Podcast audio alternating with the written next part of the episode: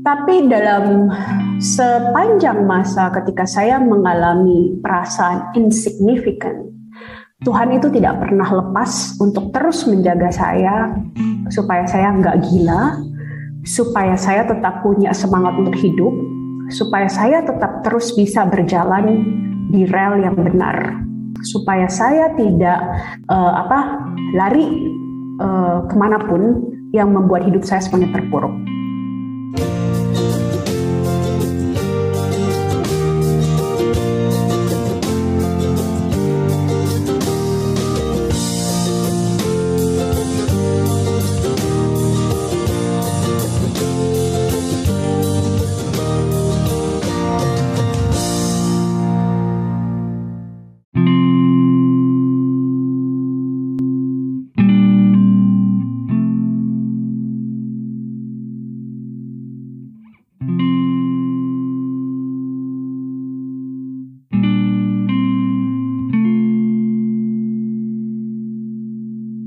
Saya tidak akan bicara the significant me itu dari sisi penampilan ataupun feeling ataupun apa yang saya rasakan. Tetapi saya ingin mengajak uh, teman-teman sekalian untuk melihat dari sudut pandang yang lebih besar lagi betapa berharganya kita itu tidak hanya dari uh, sudut pandang kita dan kita dan kita saja uh, the demanding uh, the demand uh, of ourselves kepuasan diri kita sendiri untuk menjadi uh, layak. Karena saya merasa bahwa ketika saya terus memikirkan saya ini layak nggak sih sebenarnya, saya ini sebenarnya uh, apa namanya cukup berharga nggak sih untuk bisa uh, berbicara di publik, untuk bisa sharing hidup saya, itu sebenarnya apakah saya cukup berharga untuk bisa melakukan itu semua? Apakah saya cukup experience untuk melakukan itu semua? Apakah saya cukup semuanya tuh kayak nggak ada habisnya. Karena standar yang akan saya taruh itu adalah standar yang diinginkan dunia. Standar yang tidak akan pernah bisa berhenti mulai dari penampilan mulai dari uh, apa namanya lifestyle mulai dari latar belakang edukasi mulai dari experience and so on and so on. Kemudian uh, satu hari ketika saya lagi uh, devotion gitu ya saya pikir-pikir sampai kapan saya akan terus membandingkan diri sendiri dan tidak merasa layak terus menerus uh, kapan saya bisa men mencapai uh, tujuan hidup saya? Kapan saya berani melangkah? Kapan saya berani untuk uh, menyuarakan uh, pengalaman saya? Kapan saya berani berbicara bahwa sampai sejauh ini uh, Tuhan sudah uh, menyertai langkah hidup saya gitu um, kalau saya pikir-pikir um, dimulai dari awal, um, saya keluar, saya lahir dari keluarga yang uh, broken home. My family is very dysfunctional banget. Jadi dari kecil itu saya sudah tidak pernah uh, merasakan uh, apa namanya keluarga yang utuh, keluarga yang damai, keluarga yang loving itu nggak ada sama sekali. Uh, dan di tahun 80-90 broken family itu it's embarrassing. Itu kayak malu banget gitu loh karena stigma dan uh, masih banyak lainnya lah karena uh, dari uh, orang tua juga suka udah kayak minder duluan gitu ya. Uh, teman-teman kamu tahu gak sih kalau kamu itu dari keluarga yang broken dan lain sebagainya? Itu aja udah membuat saya tidak merasa layak Uh, dalam banyak hal, dalam berteman, dalam berprestasi gitu. Karena tidak pernah ada support, tidak ada orang yang uh, berkata kepada saya, meyakinkan saya bahwa saya itu cukup berharga. Dan kemudian melewati masa di mana uh, saya mengalami sexual harassment. Saya harus menanggung uh, beban yang cukup memalukan kalau misalnya saya ceritain ke orang-orang. Mungkin orang-orang cuma bisa bilang, ya udahlah sudah terjadi. Kalau lu mau laporin juga, uh, nggak akan ada yang percaya karena nggak ada witness dan lain sebagainya. Dan itu pun membuat saya merasa saya tidak layak. Saya merasa saya kotor. Saya merasa bahwa uh, itu menjadi aib yang saya simpan sendiri. Sehingga itu membuat saya semakin minder, semakin minder. Um, banyak hal yang menurut saya uh, I'm very talented uh, in many ways gitu ya. Tapi karena ketidaklayakan yang terus saya pikul uh, dan saya bawa terus, saya tidak saya tidak pernah bisa menjadi maksimal. dan saya juga tidak berani uh, menyuarakan, tidak berani berbicara. Tapi seiring dengan waktu, uh, apa namanya, uh, pernikahan saya yang pertama juga gagal, uh, mantan saya juga bukan orang yang uh, membantu saya dalam proses pemulihan, malah membuat saya bertambah feel insignificant. Uh, itu benar-benar brought me to the lowest point when I had to get divorced.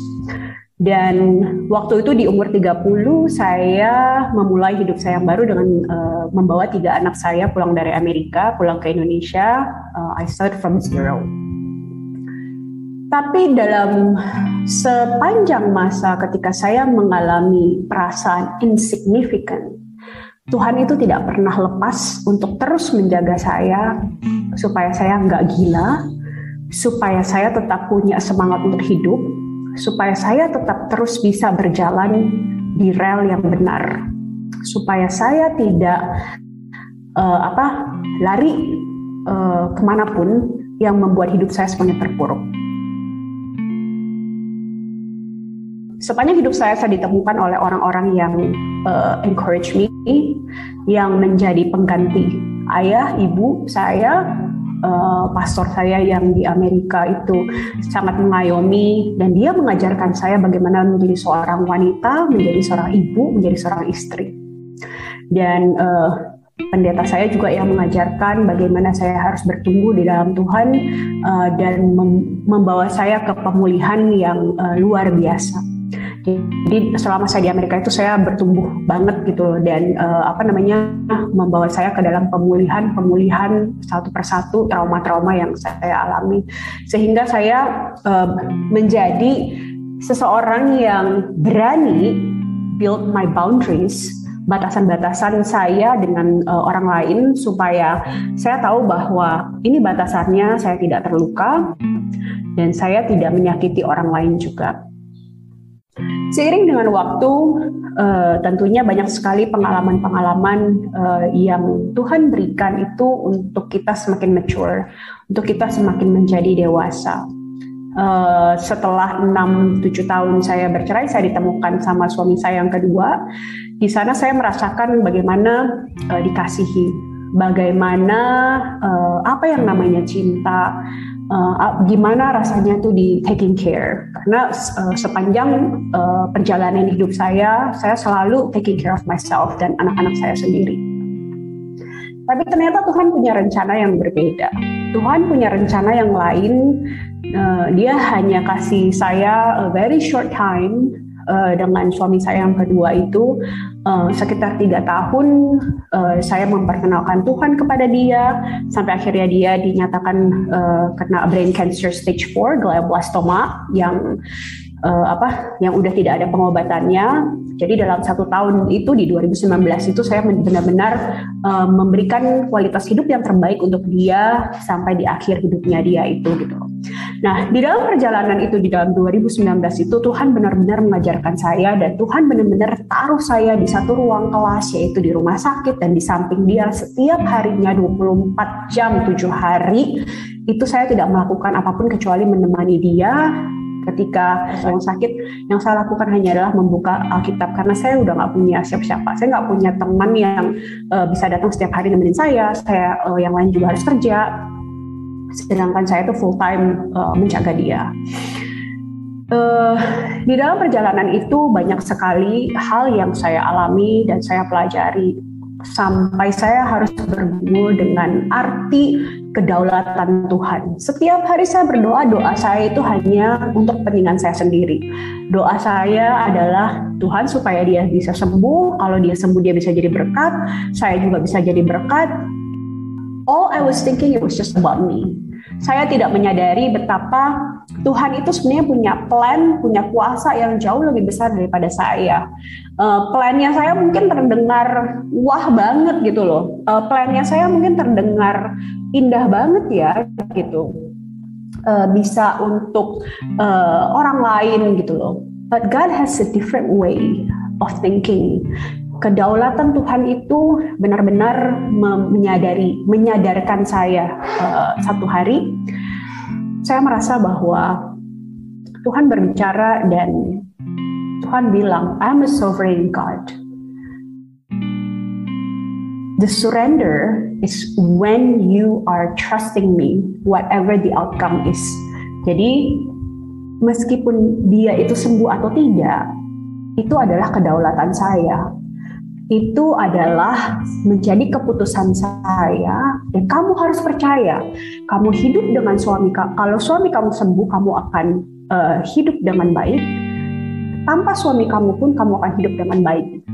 And that's his responsibility uh, itu adalah tanggung jawab Tuhan, bukan tanggung jawab saya. Dan hari itu juga saya bergumul untuk surrender, surrender dan memberikan semuanya itu keputusannya kepada Tuhan. Saya tetap berdoa, uh, minta kesembuhan, tetapi Your will be done. Nah, itu tidak mudah uh, dari uh, satu apa namanya surrender to another surrender. Dan dalam perjalanan itu saya juga merasakan yang namanya kelamnya dan uh, the deepest valley yang digambarkan di uh, kitab Mazmur yang sampai saya tuh mengerti banget kenapa sih si Ayub itu yang tadinya kayak raya, yang tadinya hidupnya berkelimpahan, kemudian dia itu dipilih menjadi orang yang pada akhirnya harus hidup sangat sengsara banget, ditinggalin keluarganya dan lain sebagainya, sampai dia mengutuk Tuhan. Begitu susahnya dan apa ya? Saya bersyukur gitu loh bahwa that suffering itu tidak sedalam itu itu pun saya rasanya setiap hari rasanya mau give up gitu loh. Mau give up karena satu secara fisik lelah dan dia itu tidak mau ada orang lain yang menjaga dan uh, merawat dia kecuali saya. Mau mandi aja harus nungguin saya. Mau makan aja kadang-kadang mesti nungguin saya. Dan um, in many ways uh, setiap malam saya kadang-kadang hanya bisa berdoa Tuhan boleh nggak hari ini malam hari ini aja saya dikasih tidur yang nyenyak tidak ada any event in the middle of the night karena brain cancer itu kayak brainnya tuh uh, changing all the time kita nggak bisa pernah tahu apa yang terjadi malam hari itu bisa tiba-tiba oksigennya drop bisa tiba-tiba dia itu unconscious uh, dan dia akan melakukan banyak hal yang di luar hal pikiran kita uh, dan banyak sekali hal-hal yang uh, impossible yang tidak pernah terpikirkan itu bisa terjadi gitu loh. Sehingga yang saya minta itu cuman Tuhan boleh nggak malam hari ini saya itu rest. Dan surprisingly uh, permohonan yang yang sekecil itu pun God granted it gitu loh. Kayak Tuhan tuh kasih, Tuhan tuh kasih. Dan setiap pagi saya tuh minta untuk God give me a new love. Dan saya itu mengerti sekali um, lagu yang yang yang sering kita dengar mungkin dari kecil the very old hymn gitu loh uh, apa namanya uh, always new every morning. Always new every morning. Great is his great great is the uh, his greatest love gitu. Saya tiba-tiba merasakan itu. Merasakan kasih yang selalu baru setiap hari itu kalau enggak mungkin I will I will hate him so much. Mungkin saya akan menggerutu terus setiap hari dan saya bilang sama Tuhan bahwa you know what? I can't do this. Dan I will do it with hatred I will do it with disappointment Uh, kenapa? Karena saya punya ekspektasi. Saya punya ekspektasi bahwa saya akan uh, apa namanya spend the rest of my life with man that I love, who love me. Um, but it's different itu turn outnya uh, sangat sangat sangat berbeda sekali dengan apa yang saya bayangkan sehingga the insignificant me itu itu meng meng mengganggu saya saya merasa bahwa gila Tuhan apakah gue tidak layak untuk bisa di hadapan uh, engkau? Sampai saya tuh dikasih cobaan demi cobaan seperti itu. Said not enough? Satu hari sampai saya bilang why me? Like why me God? Why why I'm the one who have to go through it? And God just said why not you? Kenapa bukan kamu? Gitu loh. I you know I've been I've been with you for the rest of your life